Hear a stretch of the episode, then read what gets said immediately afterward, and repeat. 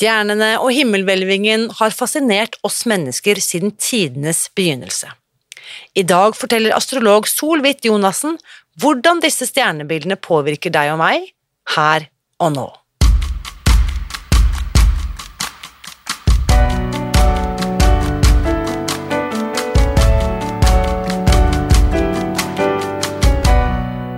Mitt navn er Irina Lie. Jeg er journalist og forlegger, gründer og sosial entreprenør. I 2015 spiste jeg meg fri fra overvekt og fedme etter å ha slitt med vekt, kropp og følelser i nesten 30 år. Etter at jeg knakk koden, ga jeg meg selv et nytt oppdrag – å dele denne kunnskapen med alle som trenger det. I denne podkasten kan du derfor høre hele lydboken Spis deg fri, den finner du ved å bla deg tilbake i arkivet og lytte til første sesong. Hver uke inviterer jeg nå gjester som gir deg påfyll til hodet, hjertet og magen. For min visjon er å endre Helse-Norge, og det får jeg ikke til alene. Du bidrar ved å abonnere på podkasten, skrive en omtale i iTunes og tipse meg om hvem jeg burde invitere hit. Da setter vi i gang med ukens episode. Ja, jeg vet. Astrologi er en omstridt eh, vitenskap, i likhet med mye annen kunnskap og andre teorier som har stor utbredelse over hele verden. Nettopp derfor syns jeg det er så interessant å se på disse fenomenene og forsøke å forstå hva dette egentlig handler om. Så uansett hva du måtte tenke om astrologi og horoskop og stjernenes potensielle innflytelse over våre liv, så håper jeg du i hvert fall blir nysgjerrig når du får vite at det er astrolog Solhvitt Jonassen som kommer på besøk i dag. Her er ukens gjest. Kjære Sol, velkommen til podkasten. Tusen takk, Irina. Du, denne samtalen har jeg gledet meg til. Vi har ikke møtt hverandre før, men det er vår felles eh, bekjente og gode venn Robin, som også har vært gjest i podkasten her, som tipset meg om deg. Mm. Så aller først, eh, Sol, bare helt sånn kort, hvor i verden er du hen? Eh, hvor er det du befinner deg akkurat nå? Akkurat nå befinner jeg meg i stua mi uh, i Bergen sentrum, midt bak Bryggen. Så, og her har jeg bodd i, i, mange, mange år. Så jeg er jo nesten bergenser, da, men ikke helt. Jeg har ikke klart å legge om. men jeg har bodd i denne byen i 23 år. 24 år. Ja. Eh, for du er jo sørlending sånn, eh, sånn opprinnelig. Ja, i hjertet mitt så er jeg jo sørlending da. det kan jeg jo ikke benekte. Jeg er fascinert hvordan en sørlending klarer sånn værklimamessig å overleve i Bergen, men det Ja, det spørs jo hvordan du er skrudd sammen. Altså, sånn Poenget er jo det at jeg husker jeg traff en Arendal Litt en gang, som var far til noen barn på, på, i barnehagen der hvor jeg hadde unger. Og så sto vi ute i sånn sørpete, regntung bergensdag og skulle passe på ungene, og sto der og regnet ned. Og så begynte jeg sånn å sutre over været, og så sier han sånn på arendalsk så sier han, Ja, hvis du bor i Bergen, så kan du nesten ikke henge deg opp i været. Og det ble liksom min guru, da. Så været har vært min guru. Været har vært min spirituelle veileder her for å overleve alskens um, ja, utfordringer med liksom diverse sånne oppheng vi kan få når livet ikke er sånn som vi vil at det skal være. Så det handler jo egentlig om å leve ubetinga. Og jeg tror kanskje at det er litt av det på en måte hele tiden kommer tilbake til, det å leve ubetinga. Liksom, ok, i dag regner det. I dag er jeg i dårlig humør, i dag har, går jeg gjennom dype prosesser. Jeg mener, whatever.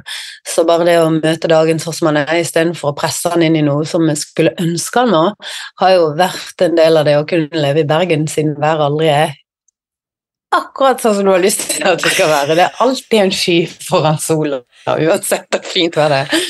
Sabotasjeskyen kommer. Mm. Vet du, dette er, dette er, liksom Vi bare går deep, vi, med en går gang, for dette er Rett på sak. Ja. Vi går rett på sak. I love it. Fordi eh, Og du snakker jo med en som har bodd eh, over et tiår i Bergen frem og tilbake, og Bergen står mitt hjerte nær. Jeg syns dette er fantastisk å gjøre været til en spirituell praksis. Herregud, så, så fint. Du kan bruke Fordi- hva som helst til en spirituell praksis. Absolutt. Det er nok av utfordringer fra vi står opp til vi legger Bare å oss. plukke.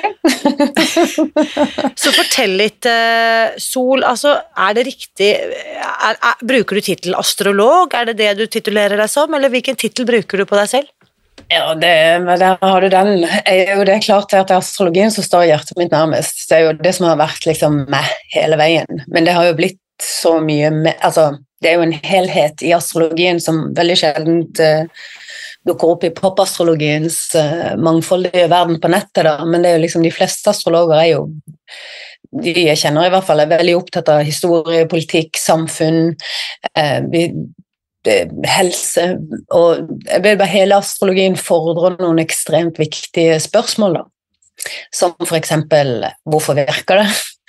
Em, hvem er vi i så fall? Sant? Hva betyr det å være menneske? Um, er alt tilfeldig? Liksom, sant? Sånne dype filosofiske spørsmål som ofte vi bare møter en slags sånn en, Du får ikke noe svar, på en måte.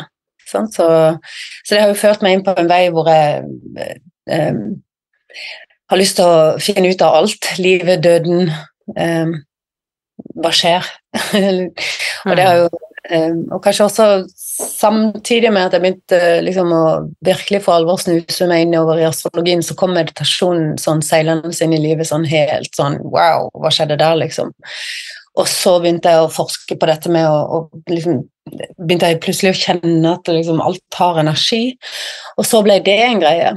Så jeg har utvikla meg i flere nivåer hele veien og vært nysgjerrig på veldig mye forskjellig. Blant definitivt hva er det som skal til for å få en god flyt. Og så kom jo en ganske solid yogapraksis inn i bildet, som igjen blir også noe av det som jeg hele tiden fokuserer på. at Skal du virkelig endre noen spor og noen mønstre i livet ditt, så må du liksom få med deg hele pakken. da. Du må ha med deg det fysiske, du må ha med deg det psykiske, du må på en måte få tilbake kontakten med det vi kan løst kalle det åndelige. da. For det kan jo være så mangt. Helt klart. eh, Det åndelige Jeg tenker ofte på det åndelige som det følelsesmessige. Hva tenker du om det?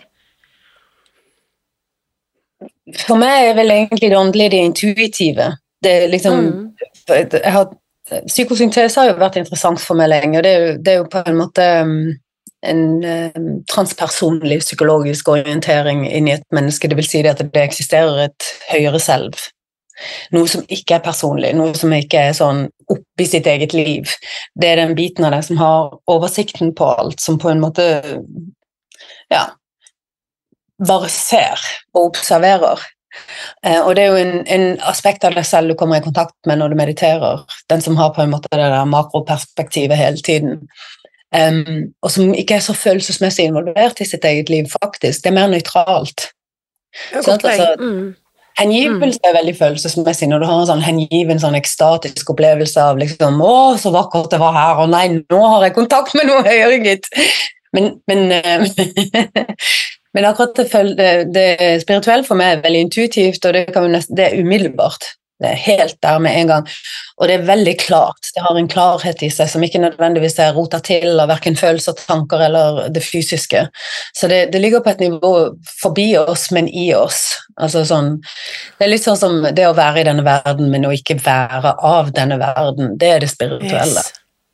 Eh, Dette er så Du aner ikke hvor relevant det er for meg i alle de prosessene jeg står i om dagen. Akkurat det du sier her, så det, jeg bare sier dette er ingen tilfeldighet. Kjempespennende. Um, Det var bra. jeg, ja, men virkelig. Og jeg, jeg vet, altså, når jeg kjenner at noe treffer meg så veldig, så vet jeg at dette angår så vanvittig mange flere. Mm. enn, eh? Det at du og jeg har denne samtalen, og at andre får muligheten til å lytte inn, det er bare Ja, virkelig Det er et privilegium for alle som kjenner at dette er relevant. Men fortell litt om din inngang, eh, Sol inn i Kan jeg spørre deg hvor gammel du er? Du er 49. Nå eh, 49. har jeg kommet til det siste året i ungdomstiden. Da ligger du et par år foran meg i løypa, jeg er rett bak deg. Eh, men eh, fortell litt hvordan Hva ble din inngang til dette feltet, for å kalle det litt eh, bredt? Hvordan startet denne reisen? Ja, det, er liksom Hvor mange liv skal vi tilbake? Nei da.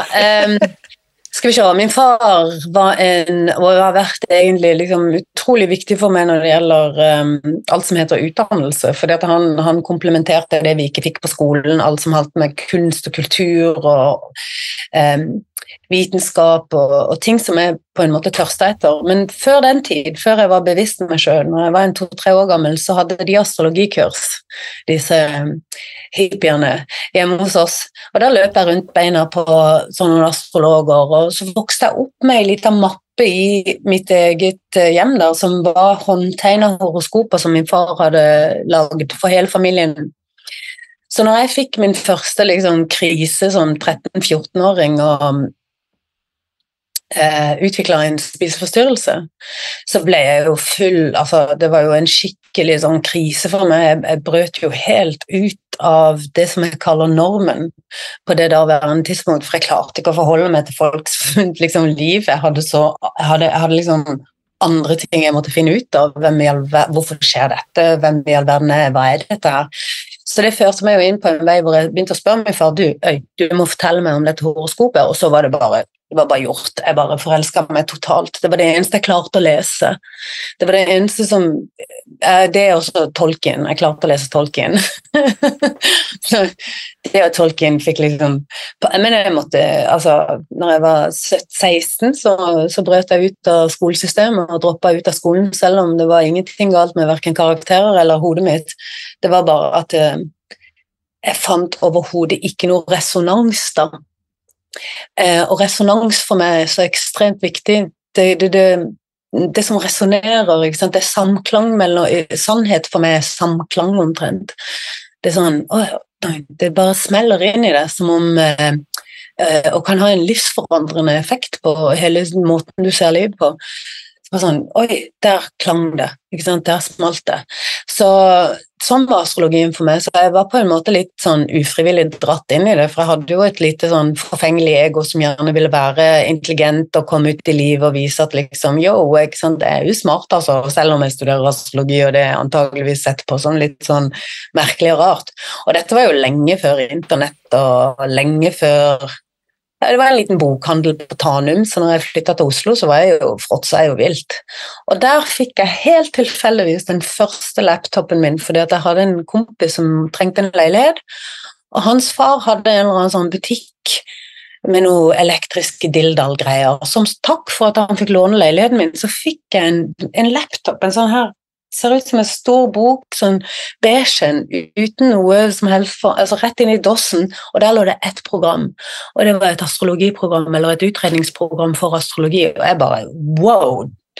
Så det har ikke vært altså Alt har bare liksom dratt meg inn i astrologien. Det har vært en åpen dør som jeg kunne bare gå rett inn i, og jeg har hatt utrolig masse eh, Altså bare Snakk om å liksom finne noe som har masse liv i seg.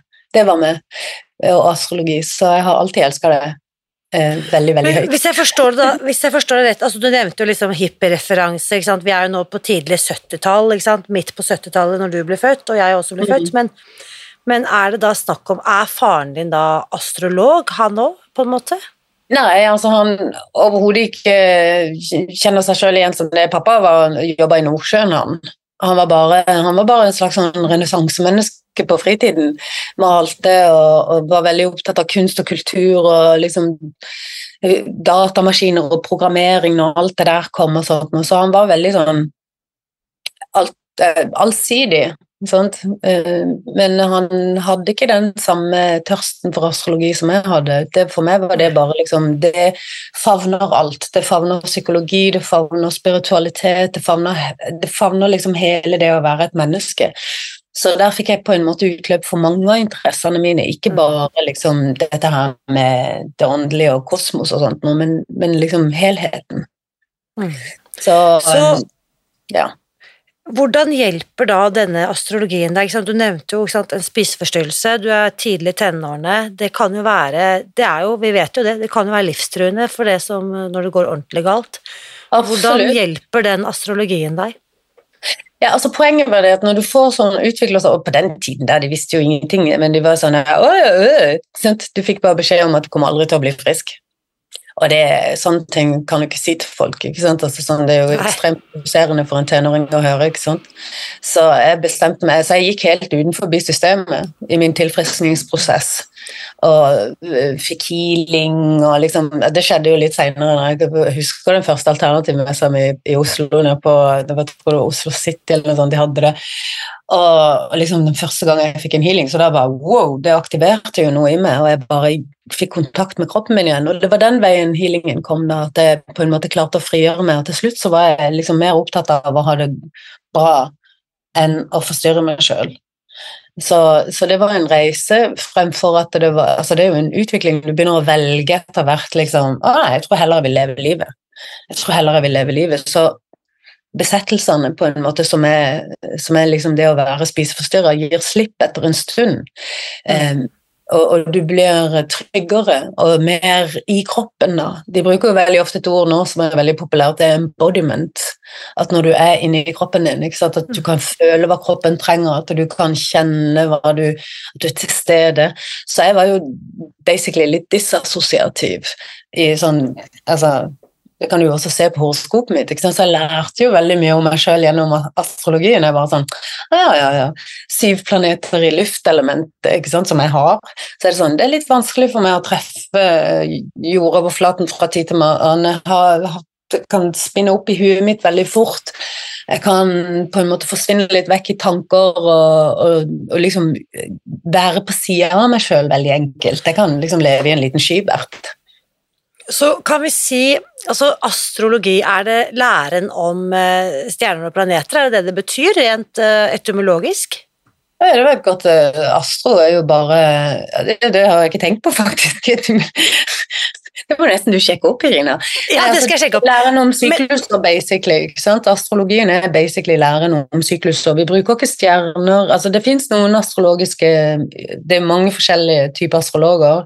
De fleste bruker en tropisk zodiak, eh, som er basert på vårjevndøgn. Der begynner året. Um, og som, som, kun innebefatter seg med planetene. Du bruker noen fikse stjerner, men en planet betyr en vandrer, en som vandrer over himmelen. Så, så, så fiksstjernene står helt stille. Så vi bruker ikke konstellasjonene sånn som veldig mange mennesker tror. Vi bruker faktisk eh, vårjevndøgn, eh, sol Altså vi prøver å se hvor da i henhold til eh, konstellasjonene vi er, som et sånn bakteppe. Men det er planetene som er viktige i den sammenhengen vi leser et kart.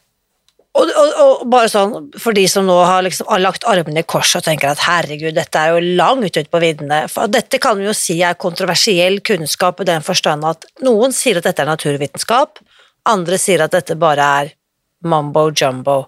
Men det bare lar vi ligge for nå. ja, det er en gøy diskusjon, det. Herregud. Jo, jo, jo men jeg, jeg, jeg, går inn i dette med en Jeg kan jo ikke Jeg har, har så vidt liksom tørset borti det, så jeg, kommer inn i dette som en uh, uvitende, en ignorant, en som ikke kan. Så jeg må stille deg noen dumme spørsmål hvis du, du må ha meg tilgitt. Uh, så uh, jeg var på Bali eh, for noen år siden og møtte der en vedisk astrolog. Eh, og de opererer jo med et annet altså Kan man si at det er ulike tradisjoner ulike steder i verden? At liksom India, Kina, Europa har ulike hva skal vi si, konstellasjoner. Har det også med ulike At de ser himmelen annerledes å gjøre? Eh, nei, jeg tror ikke akkurat de ser himmelen annerledes, men, men det, er, det, er, eldre systemer. ikke sant? Det er andre systemer. Det er sånn som Kinesisk astrologi er jo en månebasert kalender. De begynner jo året sitt med første nye måned i vannmannstegn. Så det, den er litt den, Jeg vet ikke, du kan nesten kalle den litt eldre. Sant? Det er mer sånn paganistisk orientert eh, måte å se livet på. Eh, vår eh, kalender er jo mer kronologisk. Den er jo basert på Vi har jo gjort dette her, vi må få det inn i syv dager, og liksom, så vi følger sola. Eh, men i vedisk astrologi så følger de siderisk eh, zodiak, og der er det liksom Ok, og så følger vi tropisk zodiak. Eh, og pga. noe som heter presisjonen og ekvinoksene, så har det seg sånn at vi går gjennom forskjellige tidsaldre. Det er det de kaller de astrologiske tidsaldrene. Altså jord, eh, jorda litt, står litt sånn helt på sin egen akse, 23 grader. Så snurrer den rundt, liksom, eh, eh, sola. Det er derfor vi har sesonger og Så, videre. så clouet er det at eh, de har bare Vedisk astrologi følger liksom Den sideriske astrologien følger liksom en litt annen zodiak som på en måte tar hensyn til eh, dette skiftet, da. Denne lille forskjellen mellom at du setter væren på vårjevndøgn de setter fiskene i våre nå, for det er det som er liksom den presisjonen. da. Så det er jo noen som vil si at det er mer korrekt, mens andre igjen eh, argumenterer for at liksom, jo, men astrologi er egentlig basert på jordas eh, energi. Vi bor her, vi er en kosmos, kosmonaut ute i spacen, men vi bor på jorda.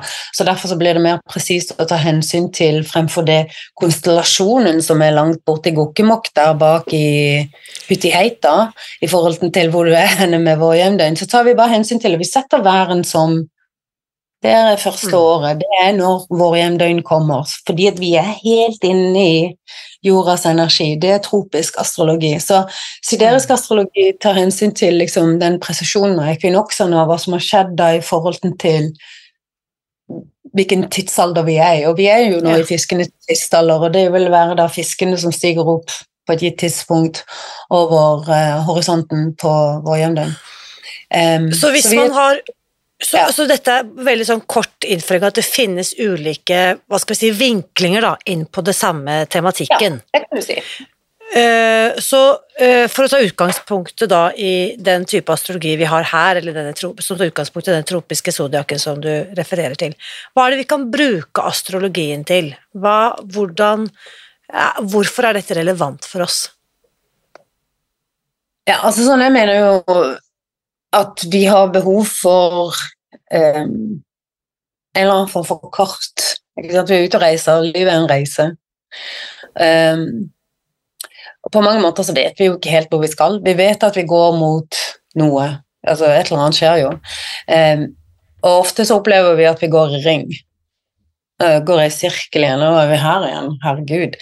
Eh, men av og til så opplever vi at liksom, når vi kommer til et nytt krysningspunkt i den sirkelen, så kan vi mer. Så vi løser liksom den lille koden, eller vi knekker et eller annet mysterium som oppstår i en sånn en kulminering som oppstår. liksom, Å, gud, nå har jeg denne situasjonen en gang til. Ok, men nå vet jeg jo mer. Så nå kan jeg så istedenfor at det er en sirkel som går i ring og i ring, så blir det en spiral som beveger meg oppover. ikke sant? Jeg kommer tilbake til den samme greia, sånn, og der er du igjen, liksom.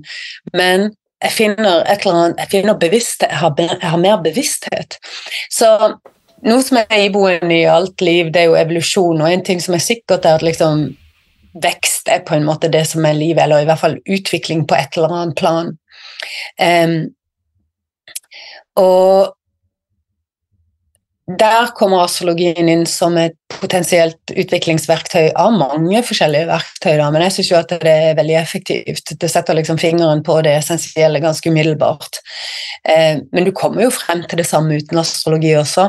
Jeg har en kollega som heter Stephen Forrest, som sa det sånn ja, du kan på en måte sammenligne astrologi med liksom, du er ute på havet, og så har du et, plutselig har du et kart. liksom, Ok, vi skal den veien. sant? Og så kommer du frem mer kjappere enn den som seiler rundt uten dette kartet. Da. De kommer jo frem, men det, tar, det kan ta lengre tid.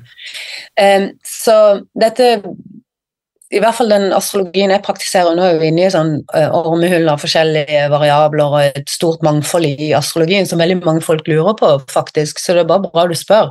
Men jeg driver jo med noe som heter evolusjonær astrologi, og min type astrologi Vi er ikke veldig opptatt av å spå fremtiden, vi er opptatt av å forstå øyeblikket, sånn at uh, den fremtiden du skal slippe å spå den, liksom.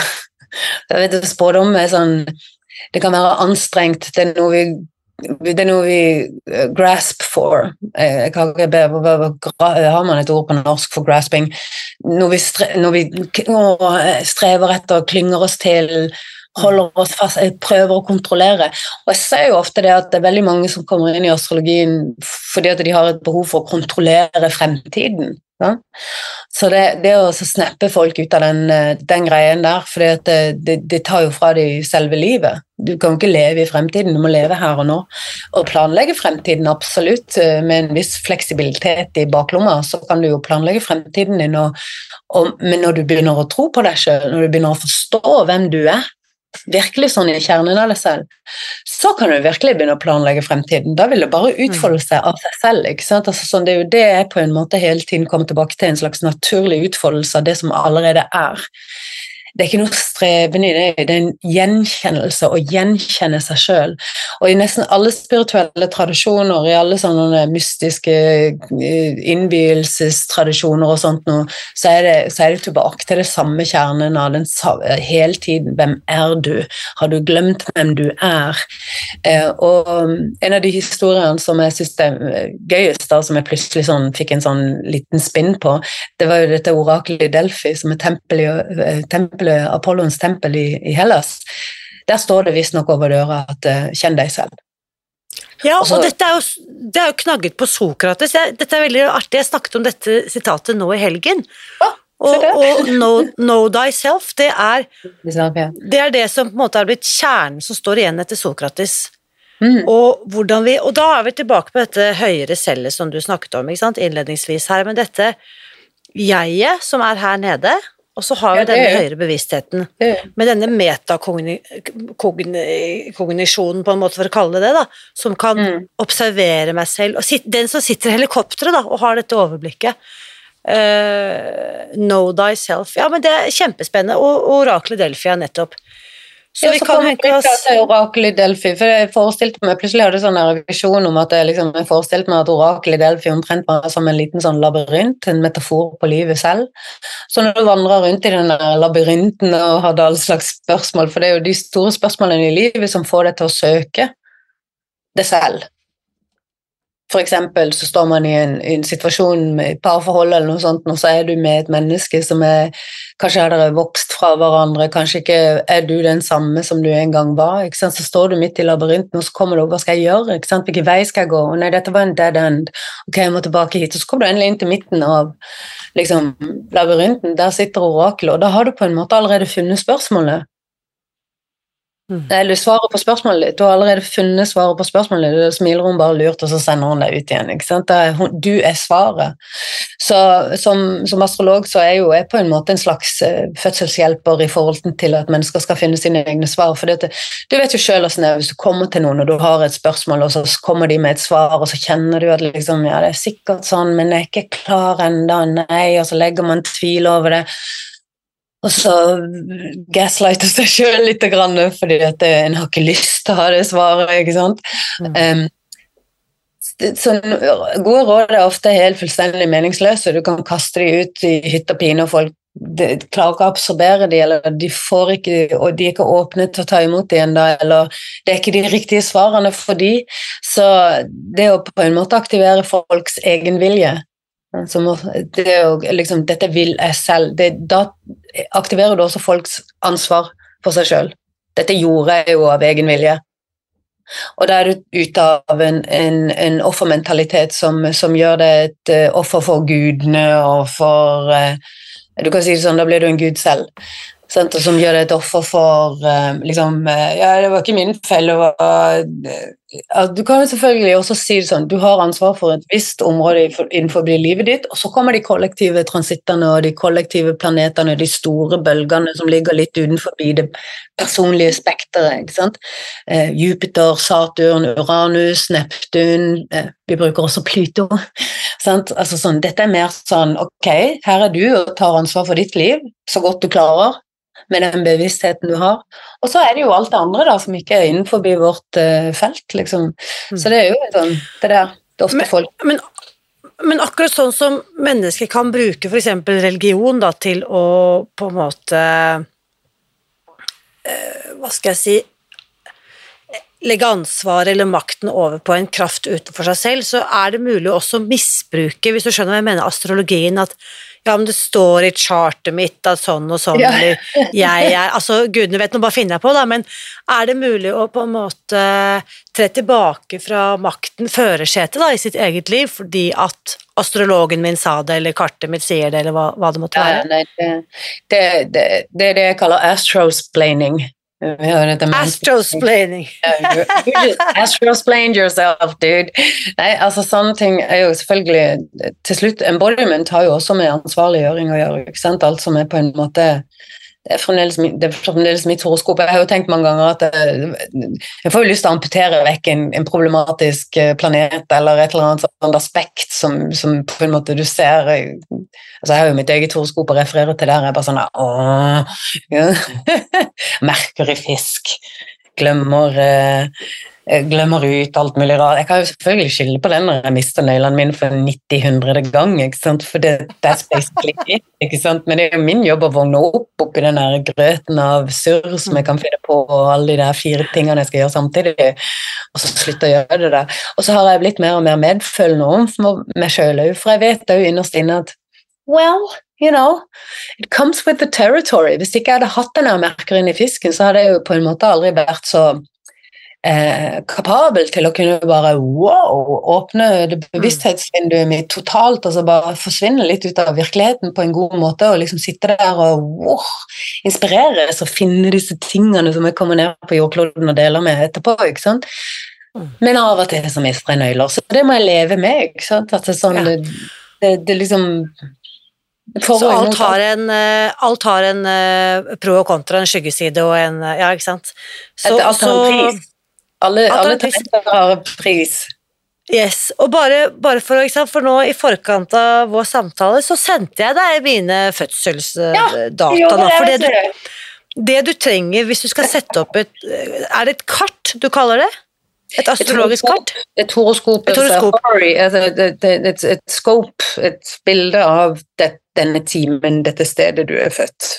Ja. Så det eneste du trenger da for folk, for andre folk, er da typ fødselssted, altså lokasjon, Yes. eh, tidspunkt, dato, klokkeslett. yes. That's it. Og bare for å si det, eh, her også er jo referansene mange, for du driver ikke med tarot og kort og sånne ting, du setter, du setter dette inn i et, eh, dette fødselstidspunktet i forhold til da denne tropiske zodiakken. Det er det som er ditt arbeidsverktøy, dette kartet. Yes, eh, det er Ja. Ja da, det er liksom eh, Jeg setter det inn i, i, eh, i et, her, den datamaskinen jeg fikk. Da, da fikk jeg liksom Jeg kan vise det. Jeg har, jeg kan, hvis du kan dele skjermen din, så kan jeg Ja, nei, men du må huske at de fleste bare hører det, vet du, på, på Ja, det, det ser ut som en, en rund disk hvor du har aksene, altså det vil si horisonten, og så har du midthimmelen der hvor solen står i zenit. Eh, så du har på en måte fire hjørner i, dette, i denne sirkelen, som inndeler det i fire forskjellige sektorer, som igjen deles inn i noe som kalles hus.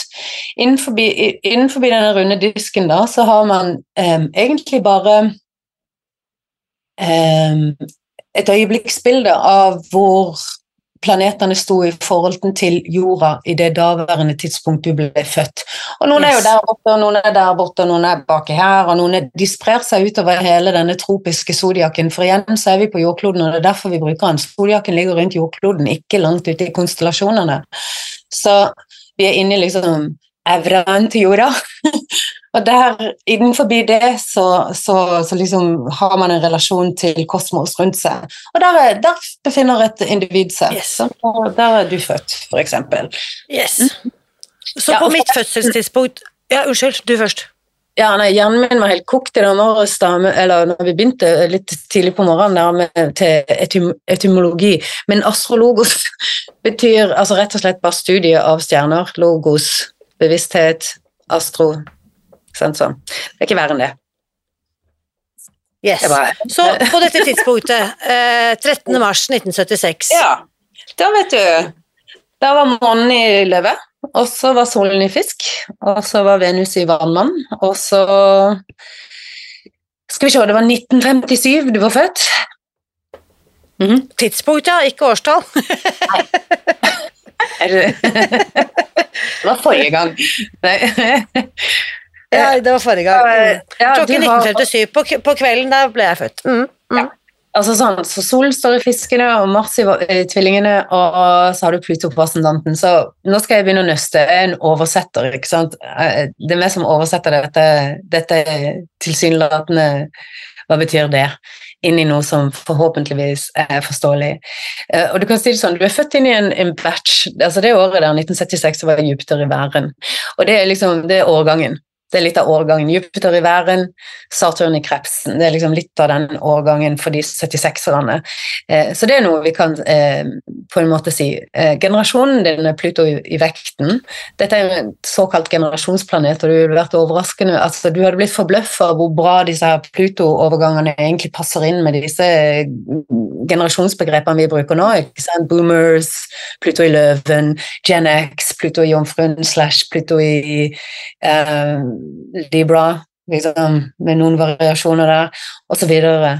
Så det at det, eh, det er litt, eh, altså jeg, har, jeg, har, jeg, har hatt, jeg har ikke hatt tid til det, men jeg har hatt veldig lyst til å gå inn på noen av de som kan dette her, eller som snakker om disse generasjonene, for å se om det liksom om jeg kan finne mer informasjon om det. da, for det at De ytre planetene går jo veldig sakte, og de beskriver jo egentlig en, en tidsreise som er forbi vårt uh, hverdagslige liv.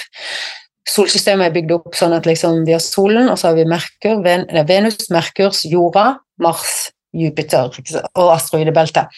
Så det er liksom hooden vår. Welcome to the neighborhood. Og så har vi månen. Så det er sola og månen, og så Venus, Merkur, Mars. Det er liksom min private familie, kan du si. Det er liksom nabolaget. Og så er det sånn, de litt større verden, det er Jupiter, det er du uti der, og så oh, er det det de holder på med? Oh, ikke sant? Det er mer inspirert av mer sånn filosofisk og læring. Reising, for eksempel. Så har du Saturn, som er liksom den kronologiske klokka, hvordan livet og samfunnet og plikten og ansvaret og det å modnes å bli på en måte et integrert vesen, et modent menneske, det er ofte det Saturn dreier seg om. Og så kommer du til liksom, ok, kvantifysikkens verden, som jeg liker å kalle det. Da er vi på Uranus, Neptun og Pluto. Da er vi over i dimensjoner som er veldig relevante, men du, de har ingen tid. Kun, de, når du har en, en, for en syklus som innebærer Pluto, Uranus eller Neptun, så kjennes det ut som tiden bare forsvinner, og så er du tilbake igjen og er fem år og har en opplevelse om fortiden din, og det skjer masse rare, magiske ting i livet ditt som ikke du egentlig kan forklare. Og, altså The shit hits the fan and the magic dances, liksom. Så det kan være hele spekteret der, men det er ikke noe du har kontroll på. ikke sant? Det er bare sånn langt forbi din, din personlige eh, liksom, eh, styreevne. Så når vi ser på det, sett, vi prøver å forstå dette i, i, i liksom et horoskop, så ser jeg jo liksom ok, du har sola i kvadratur til Mars, noe som viser at du er sinnssykt um, um, du har en dominant personlighet på mange måter. Det kan du også klaske den der månen liksom, Månen i løve kan du også putte i den, den kategorien. Men det, det er jo, det jo designa for at du skal få ut kreativiteten din. ikke sant? Så det, det, er jo ikke på en måte tilfeldig at du er født med det horoskopet. Det var akkurat det du trengte. Så selv om det noen ganger fører til at du både blir eh, litt utbrent, eh, litt eh, anspent, eh, litt stressa, kan finne på å liksom krangle litt med livet fra tid til annen. Um, ja, det, det, er bevegelig energi. Vi bruker eh, ord som bevegelig, vi har fire bevegelige tegn, fire faste tegn, fire kardinale tegn, og tvillingen, hvor din Mars står, og solen, hvor din eh, fiskene, er begge bevegelige tegn. Så det er hender og armer og bein overalt av og til, og liksom 90 40 ting du skal huske på før du pusser tennene og får i deg en kopp kaffe om morgenen. Så det er veldig brrr, um, Og drevet frem uh, av en ufattelig sterk overbevisning.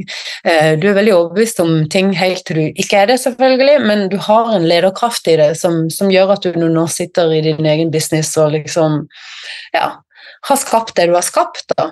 Så, så, du har gått gjennom en reise, vil jeg tro, eh, i ditt liv hvor du har på en måte mista troen av og til, og det er helt greit. Du har hatt Pluto stå på ascendanten, du har hatt veldig mange nye begynnelser. Hele tiden så er det sånn fuck, nå, nå må jeg begynne på noe nytt. Nå er dette over. Nå er dette død. Nå kan ikke jeg være her lenger. Og så blir spørsmålet hele tiden hvem er Hvem er For du er født i Pluto i vekten-generasjonen. Vi som er født på 70-tallet, vi er sånn der Ja, litt av alt. Ja, men hvem er du? Ja, funker det, da? Så vi lærer oss gjennom elimineringsmetoden. At liksom Altså, jeg sitter bare her og nikker, er jeg, som du ser. Ja, ja, ja. ja. Elimineringsstoden. Jeg lytter, jeg noterer, jeg lytter. ja, ja. Ja, Ja. vi må jo eksperimentere litt. Vi må eksperimentere oss frem til sannheten. Det er typisk Pluto i vektgenerasjonen. Er sånn. Ja, det var ikke det, i hvert fall. Ok, ja, ok, greit, det var ikke det. Og det kan jo gjelde alt fra forhold til liksom, jobber, til liksom, eh, hvordan man skal leve livet sitt, hvilken livsstil, hvilken religion man skal bli med. Eller, sånn. Choices, choices, very difficult. Fordi at man ikke vet helt hvem man er. Men du får utrolig god hjelp fra andre sider av horoskopet ditt til å finne frem til det, ikke sant? for du er stadig vekk skikkelig nysgjerrig. Liksom. Du er jo sikkert så nysgjerrig at du av og til ikke klarer å sove om natta. Så nysgjerrig er du, liksom. Eh, og så ligger det jo andre dypere prosesser i horoskopet ditt som selvfølgelig har eh, med tilhørighet og, Eller som ikke selvfølgelig har med tilhørighet å gjøre, men som er mer sånn intime ting som, som foregår mer i det skjulte rom, der hvor du på en måte utvikler deg selv hele tiden, og det du kjenner det at liksom innerst inne så har jeg lyst til å kanskje bli fri fra den snev av ensomhet som ligger over kartet ditt. Mm. Det ligger en sånn, eh, sånn lonely rider energy in your chart. Eh, en som er litt sånn Jo da, jeg kan godt passe inn overalt, men det betyr ikke at jeg føler meg hjemme.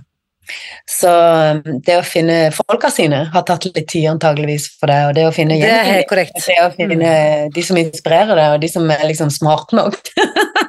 Da i vannmannen, vet du, da er det litt vanskelig å gå på fest og nikke og smile og være fornøyd når folk står og babler om gressklippere og hytter og la, la, la.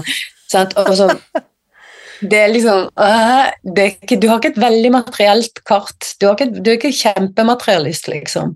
Selv om jeg tror trygghet er viktig for deg, sånn sett, men det er det jo for alle, for så vidt. da, Men du er mer sånn in, du, du søker inspirasjon først og fremst, og overbevisning og kunnskap, og veldig kunnskapsorientert horoskop. Så, og det fører deg jo inn i alle disse utviklingsprosessene som igjen tvinger deg videre på veien din, sånn at du blir den Så du finner ut hvem du er, og hvor du skal hen. Og så er det dette med intimiteter som, som kommer igjen som en stor eh, sånn mer sånn in your intimate zone, og det kan vi jo selvfølgelig eh, ta på privaten. Jo, men altså, jeg, jeg, jeg, bare det du, lille du sier her, det er jo en sånn eh, Hva var det jeg noterte meg? Lonely rider energy. Det er jo noe med det også. Fordi at jeg mø... Vi har jo bare så folk ikke tror noe annet. Vi kjenner hverandre ikke. Og hadde du googlet meg oh, ja, nei, nei, mente? Altså, Vi kjenner hverandre ikke, så er, du har jo ikke noen forutsetning for å kunne vite eh, på en måte min historie, eller og hadde du googlet meg og opp med det mente, så hadde du heller ikke funnet disse tingene her. Så, men det er ekstremt presist. Jeg må bare si det, Sol. Jeg er eh, Jeg har vansker med å finne ord, for dette her er spot on. Ja, altså, jeg setter meg bare ned altså, sånn, jeg bare sånn, jeg bare sånn I'm good. Nei, men poenget er at jeg har gjort dette her i 30 år snart. ikke sant? Så du kommer inn i en sånn Til slutt begynner du bare å stole helt på språket. Altså, jeg, har, jeg har akkurat like store problemer med å forklare hvorfor astrologi fungerer som resten av verden. Liksom. Da må jeg over i en litt mer sånn alternativ virkelighet og dimensjoner. Og, liksom, jeg har jo mine teorier, ikke sant? men det er teorier. ikke sant? Så jeg kan godt forklare de, men poenget er at jeg har lært meg å stole 100% og du har helt rett i det, jeg har aldri møtt deg før. ikke sant? Men jeg bare oversetter det jeg ser her nå, enkelt og greit, og det er ikke verre enn det, liksom. Så, så det at du liksom så er det jo bare snakk om hvor god oversetter blir man til slutt. ikke sant? Altså, og hvor mye stoler man på dette her? ikke sant? For det er jo så lett å altså, tro at man har fått en eller annen eh, eh, forstyrrelse. Siden Jo, men, og- jo, her, her vil jeg stille litt teit spørsmål, men jeg coacher jo kvinner og menn i forhold til dette forhold til egen kropp, vekt og følelser. Det er stort sett Mm, i det spekteret. Og ofte så ser jo jeg ting som vedkommende ennå ikke lurer på selv, ikke sant? Eller jeg ser, ja, ja, ja. jeg ser potensielle utfordringer eller problemer eller snublesteiner som de legger for seg selv, men det er jo ikke noe vedkommende har hverken spurt om hjelp om, eller hjelp for, eller Ja, på en måte kanskje nødvendigvis, ikke sant? Skjønner jeg mener? Ja, ja. Og når du flekker opp dette kartet da, ikke sant, og ser, så vil jo du kanskje er det av og til, Det jeg spør om, er vel kanskje Ser du av og til Får du litt for mye informasjon? Ting du skulle ønske at du ikke kunne sett i møte med dette andre mennesket, for å si det sånn? Ja, så er det det der. That's a very good question. It's not a stupid question at all. Tingen er at, og det er jo der, ikke sant, hvordan kan to mennesker født på samme sted, til og med tvillinger, ha så ulik bevissthet? ikke sant? Kan. Hvorfor er det sånn at for noen er det veldig lett å knytte skoene, mens andre syns det er dritvanskelig? Og det er her vi er innom litt kontroversielle temaer, for de er ikke akkurat sosialdemokratiske. Eh, eh, eh, teorien er at liksom, well, you know, um, bevissthetsnivået har noe å si, ikke sant? For det som er opplagt for et menneske, kan virke fullstendig sånn det skjønte, her, det skjønte. Akkurat som vi er på forskjellig planet. Så evolusjonær astrologi har en slags em, teori da, på akkurat dette. Hvordan kan et menneske født inn i en familie for eksempel, hvor intelligensnivået er veldig høyt, men visdomsnivået ikke er så høyt? Hvordan kan intelligens og visdom være så langt unna hverandre av og til? Hvordan kan noen være så utrolig liksom, oppslukt i materialisme, og så et liksom, Så møter du andre mennesker som Å ja, det ja, jeg, og jeg må kanskje spise litt, liksom. Kanskje jeg burde kjøpt meg noen nye sko. Det er liksom ikke prioriteringen. Hvor endrer vi liksom på en måte bevissthetsfokus? Og det kan ikke astrologien si noe særlig om, hvor, hvor mennesker er henne på den spiralsyke, på den reisen.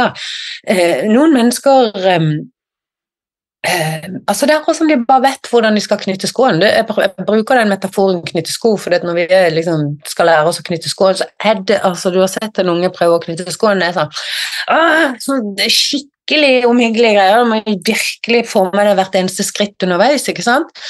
Og så, når de er ferdig med det, når de er ferdig med å knytte skoene, så er det sånn, brr, går det helt automatisk. Så det som er vanskelig og utilgjengelig for, eh, for noen mennesker, Der det bare har liksom ikke bevisstheten kommet inn dit ennå. De lever kanskje i en benektelse, eller de, de ser ikke at det der eh, Altså skoen på en måte Steinen i skoene. De, de, de tror de prøver å finne det et annet sted enn det Mm. stedet som det fins. Og så kommer det noen og sier jo, men det er jo der. Så er det akkurat som at man må så et frø, og så tar det litt tid, og så kommer det. Og det er det ene aspektet. ikke sant? At liksom, vi er på en måte, vi blir, det, sås frø av utvikling i oss hele tiden. og Så, så, wow. så derfor så spiller jeg inn alle sånne lesninger. For da vet jeg at liksom, hvis jeg ikke treffer helt der hvor de er, sånn, eller bommer litt på nivå, eller de sier noe de ikke skjønner, kanskje de skjønner det om tre år til, eller kanskje de skjønner det om ett år til. Ja, altså de tar med seg, ja, de tar med seg lydfilen. Mm. den sender jeg til deres private e-mail, sånn at de alltid har den på datamaskinen sin. Så jeg får veldig mye feedback fra mennesker som liksom 'Du, jeg hørte den lydfilen igjen, og det der, det, nå skjønte jeg det der, nå fikk jeg en enda dypere klarhet rundt hva du, prøv, hva du prøvde å fortelle meg der', ikke sant? Og kanskje var det ikke aktuelt for daværende tidspunkt, kanskje var det litt sånn at jeg liksom jeg, jeg, jeg, jeg bare planter noe, på en måte, ikke sant? Som jeg Mm. ser kan være utrolig heldig i forhold til en syklus de er oppi, eller en mer kreativ måte å gjøre ting på. Og der kommer den siste biten inn, som jeg òg ser er veldig forskjellig fra mennesker til mennesker. Det er ikke hvordan du har det, det er hvordan du tar det. Det er jo en litt sånn kjip en, den der, der for det viser jo òg at liksom vår evne til å møte det som er, sånn som vi begynte med det der med at å være ubetinga i forhold til de syklusene man er oppe i, eller hvor i livet man er, eller hva man møter i livet, det kan være så sinnssykt vanskelig. Men det er her man ser et avgjørende punkt i forhold til de valgene man tar. ikke sant? Du kan velge å vende deg faen, jeg skal fortsette med dette her. Ikke sant? Og der har jo ikke hvordan folk reagerer på sine egne liv, er jo ikke noe eh, astrologien eh, alltid eh, nødvendigvis eh, kan liksom, Du kan ikke forstå det nødvendigvis gjennom astrologien, for du kan ha et utrolig intenst horoskop som klarer å skape det mest fantastiske, og så kan du ha et utrolig intenst horoskop som klarer å skape det mest destruktive. Og et av de beste eksemplene er jo at Hitler og, og Charlie Chaplin var født en liten dag fra hverandre. En Mm. bitte liten dag. Og begge to ble kjempestore i verdenssammenheng. Han ene på en fryktelig destruktiv måte, og han andre på en veldig positiv måte. Ja, interessant. Mm. Ja, det er veldig sånn, altså sånn Så det at liksom Men det er utrolig altså så, Du har horoskopet til f.eks. Nelson Mandela også. ikke sant? Hvordan kan det ha seg at en mann som har sittet 27 år i det fengselet der, liksom, går rakrygga ut av fengselet og bare blir en konge? De fleste hadde kommet knust ut derifra, det kan jeg love deg. Og det er det som har fascinert meg hele tiden. Hva er den lille forskjellen der? Hvorfor er det sånn at liksom Jeg tenkte på det sist i dag morges når jeg mediterte, for det er liksom sånn Vi er stadig vekk omgitt, og jeg syns det er litt ekstra mye nå. Det er akkurat som folk med covid og disse her utfordringene med miljø og sånt, og det har slappa folk ganske våkne, ikke sant? Altså sånn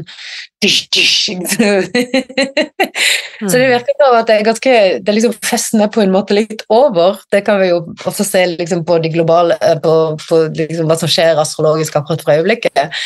Um, men det er jo tungt for de fleste å liksom vågne opp, så jeg ser at det er veldig mange som må gjennom en form for opprydning i sine egne liv akkurat for øyeblikket. Og da blir det så ekstremt avgjørende hvordan vi tar det, ikke sant. Altså, og der ja, det, det, er jo verken altså, Jeg kan jo bare hjelpe folk til å forsøke å, å ta selv sånn nesten helt sånn Wow! så store ting at du nesten ikke klarer å ta det innover deg. Mm. Altså, jeg, jeg, jeg, jeg, fikk en assosiasjon nå, og, og, så må folk ta det som de vil, men jeg tenker du trenger ikke å vite om tidevannet og flo og fjære og månens faser for å, at, å faktisk bli påvirket av det. Vi som natur, altså mennesket er jo dyr, altså vi er jo en del av mm. naturen, ja. vi blir jo påvirket sant, av tidevannet. Selv om jeg ikke intellektuelt vet noe om tidevannet, så vil det påvirke meg. Um, og så kanskje får man vite litt om det, og så plutselig har jeg lagt merke til å ja, når det er fullmåne, så sover jeg alltid dårligere. Ah, kanskje har det noe for seg, ikke sant? Uh, google, google. Ja, det ser visst ut til at det gjelder flere enn bare meg. Så jeg tenker litt det samme med astrologien. Kanskje ikke du vet noe om det foreløpig, altså den som hører på dette, da. Kanskje bare lille, denne lille samtalen vi har hatt, Sol, kan gjøre at folk blir litt nysgjerrige og å ja, ok, kanskje er det noen større ting her, noen større krefter eller noen andre hva skal vi si da, konstellasjoner som påvirker mitt liv som jeg ikke har vært bevisst på ennå. Mm. Eh, hvor er det man kan begynne? Hva, altså, hva kan jeg google? Hvilken bok skal jeg kjøpe? Hvilken YouTube-dokumentar burde jeg se? Har du noe sånn topp tre? Sols uh, topp tre fast track? Utenom meg selv. jo, men apropos det, fordi det er mulig å jobbe med deg én til én. Selvfølgelig. Ja da, jeg underviser både på web og har jeg begynte forsiktig i en podkast, men jeg hadde ikke akkurat eh, go-go-juicen til å gjennomføre det. Jeg skriver for KK, eh, og der har jeg sånn daily drips, så der finner man meg jo. Men det er jo mer sånn lett astrologi. Men eh, ja, så eh, det går absolutt an å jobbe med meg. Men hvis jeg har liksom bøker Oi, oi, oi. oi. Eh, jeg, jeg, leser sjelden bøker, men det er alltid én forfatter jeg nesten alltid kommer tilbake til når det gjelder astrologi, og det er Liz Green. Hun er jungianer. L-I-Z? L-I-Z, ja. Liz Green. sitter her med henne nå. Um, og og det å begynne med for eksempel, ja, Der har man en rekke gode foredrag. Det går an å begynne med elementene, eller det går an å begynne med um, Planets and Relationships. Uh, du kan, uh, relating, tror jeg den heter. Du kan begynne med Saturn. Det er en bra bok å begynne med. Og så har man en forfatter som er min lærer, Maurice Fernandes. Han har skrevet en veldig bra bok om fundamental astrologi eh, som er liksom basis. Solen, månen liksom, Du må begynne helt i basisen hvis man har lyst til å studere astrologi. Um, så YouTube er jo litt ymse. Der kan du jo ramle over hva som helst. Der er det jo alt fra liksom, eh, liksom damer med krystallballer og eh, liksom forskjellige sånne Ja. Det er litt sånn, der er det mye popastrologi også, men det er mye bra òg. Det er veldig mye bra. så Det er bare å snuse seg frem. Men det er jo litt sånn bikube-greie. Mm. Um, Liz Green, Maurice Fernandes Skal vi se over flere, da må jeg tenke meg om. Um, det er masse, da. eh, um, spurte vanskelig. Hvis du har lyst til å lese litt om reinkarnasjon, og sånt, så har du Patricia Walsh. Hun har skrevet en ganske bra bok, men det er kanskje litt sånn eh, Det ble litt langt ute der. Um, så ja. Det var vel det kan du, kan du gjenta bare det siste navnet du sa der? Patricia Walsh. Patricia Walsh. Så det får vi si er litt uh, next level, da, for de som uh, ja, er helt ferske på dette. Det handler om karmaaksen, kan du si, eller nodeaksen, som, som man egentlig handler om. Som er et utrolig viktig punkt i et menneskets liv. Så det, det, det er veldig essensielle greier. Mm. Så, og deg, du har jo en nettside også. Eh, veldig fin nettside. På, eh, det er jo bare å søke på Sol Jonassen, helt sikkert, men du kan også gå da til sol-hvitt with.com. Mm. Og den er på engelsk, men du har også en link der til en norsk til en norsk jeg variant. Si det, men altså sånn, jeg har en norsk Facebook-side, Solhvitt astrologi. Der skriver jeg på norsk, men jeg skriver mye på engelsk. Det liksom, jeg har eh, jeg, kan, jeg har liksom folk overalt som leser, så må liksom snakke et fellesspråk, på en måte, men eh, så eh, ja. Det er faktisk, Nei, men kjempespennende. Ja. Mm. Ja, for det, det, er faktisk Hva sa du? Unnskyld, jeg avbrøt. Det er faktisk første podkast-intervjuet jeg gjør på norsk. Sier du det? Ja, fordi at det, fordi du reiser rundt eh, Det er jo fantastisk at, eh, at den her, at, at den norske debuten fant sted her, men For du reiser rundt i hele verden. Du deltar på workshops og holder ja, altså, sånn, Før covid var det mye av det. Etter covid har jeg roa meg helt ned, for jeg er ikke så glad i flyplasser. Men nå reiser jeg mye på internettet. Eh, så, så, liksom eh, så Men jeg har vært over, over klodene og snakka astrologi med fryktelig mange eh, mennesker i forhold til Ja. Så jeg har vært kjempeheldig. Har fått se utrolig mye gøy og møtt masse kule og flinke astrologer og vært heldiggris de luxe, vet du. mm. Nei, men uh, dette her satte jeg utrolig pris på. Uh, Sol, jeg vedder på at det kommer masse spørsmål. Vi har en åpen Facebook-gruppe. Jeg kommer til å invitere deg også inn der, så mm. de som har spørsmål eventuelt, eller vil vite mer, eller sånn og sånn, skriv inn i det kommentarfeltet i den åpne Facebook-gruppen vår, så skal Sol og jeg hjelpe deg som best vi kan. Eh, kan vi ikke bare si det sånn at eh, jeg sier takk for denne gang, og så håper jeg og stoler på at vi helt sikkert eh, krysser våre veier igjen? Det har vært hyggelig. Takk for denne gang. Det var kjempekoselig å komme her og prate litt astrologi.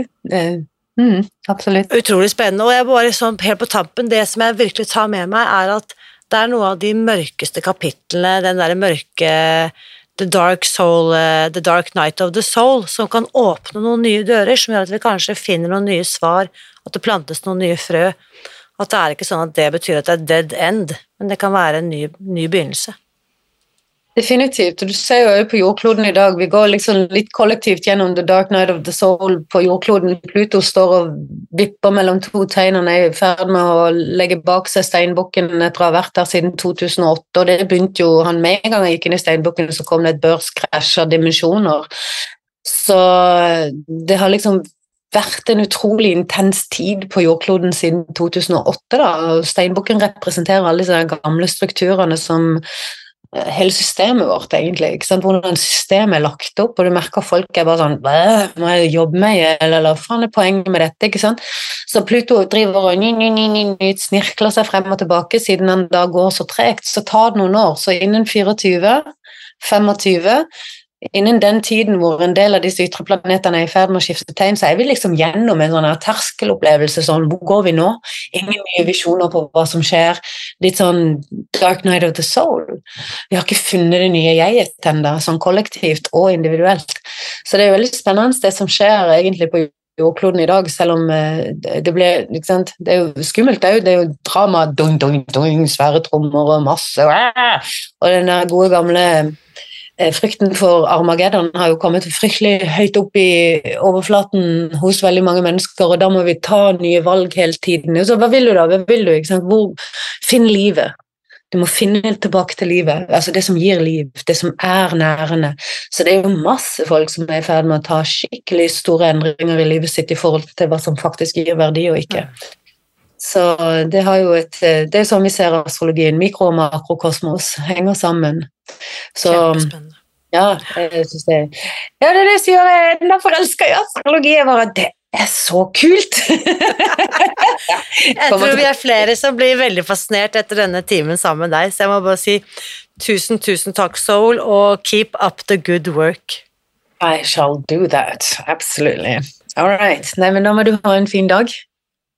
Takk.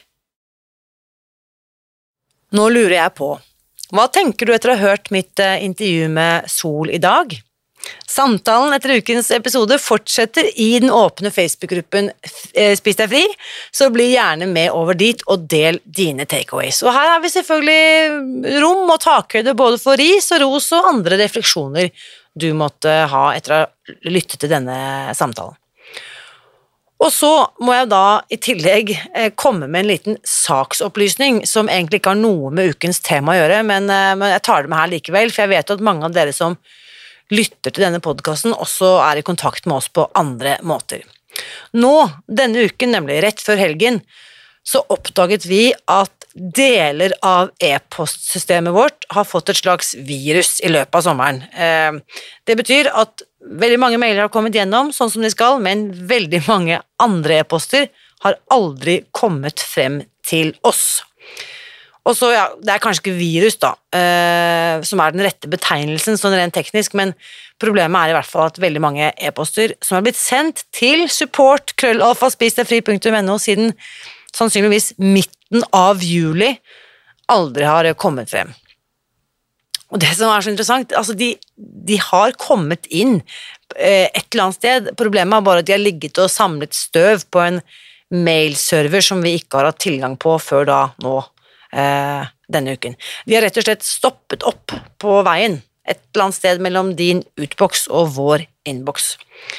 Hvorfor eller hvordan dette har skjedd, det vet vi ikke ennå, men nå har vi i hvert fall oppdaget feilen og godt av det. Så de siste dagene så har jeg og mitt team stått på hodet for å svare på alle disse e-postene som har blitt sendt til oss i løpet av de siste seks eller syv eller åtte ukene. Som du sikkert kan forestille deg, det er snakk om mange e-poster. 1237 stykker, for å være helt eh, presis. Så vi har ennå ikke kommet gjennom denne bunken med ubesvart eh, mail, så her er det bare å fortsette å jobbe på.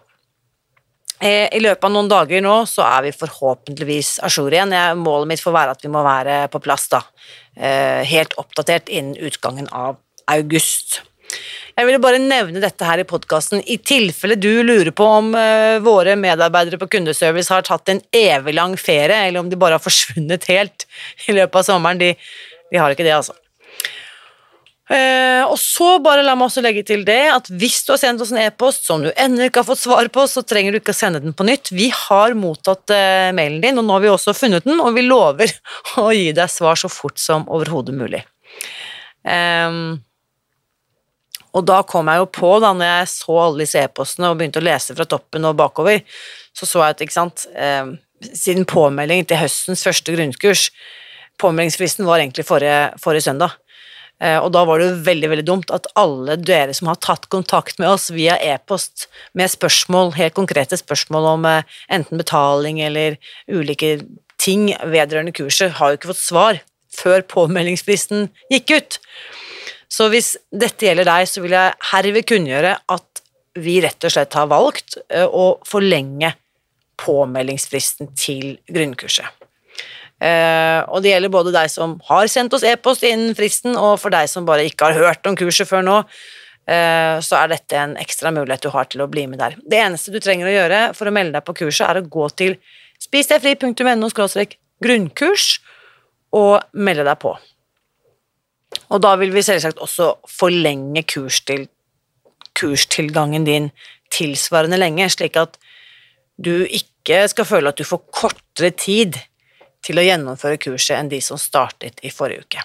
Sånn, eh, sånn, er det altså. Av og til så er det teknikken vi ikke har helt kontroll på. Så det eneste du trenger å gjøre, er å gå til uh, spisdegfri.no grunnkurs og melde deg på, så kan du være i gang eh, før denne dagen er over. Og vi lover å gi deg maks god oppfølging og veiledning og hjelp og støtte gjennom de ti neste ukene.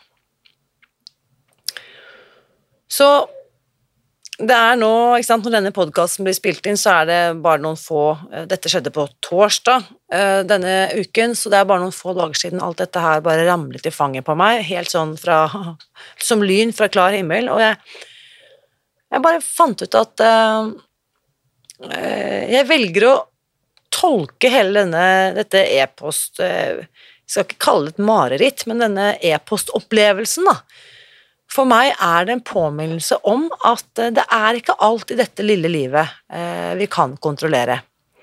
Så om det er stjernene eller skjebnen eller karma som eh, avgjør det, vel, det overlater jeg til, til deg å avgjøre. Eller til hver enkelt å finne ut av hva, hva som er sant for seg. Så kan jeg også bare helt til slutt legge til um, at i neste uke, om noen få dager, så skal jeg lansere en veldig veldig spennende ny nyhet. Jeg nevnte det så vidt i ukens livesending som var på, på Facebook nå sist ons onsdag. Og jeg kommer også til å snakke mer om det i uken som kommer, både på livesendingen og i podkasten neste uke. Og ja, nå som vi straks bikker over i september og offisielt da er eh, i gang med høsten, kan jo da avsløre at denne høsten så kommer vi til å ha et slags eh, gjennomgangstema i denne podkasten. Eh, en slags føljetong, både med litt ulike gjester, hvor den røde tråden kommer til å være energi, meditasjon og muligheter, for å kalle det det. Jeg lover deg at dette er noe du vil få med deg, så kom tilbake til podkasten neste søndag, hvor vi setter i gang høsten for fullt. Husk også, uansett hvor mange e-poster du har sendt oss som du ikke har fått svar på ennå, så vit at jeg heier på deg. Alltid.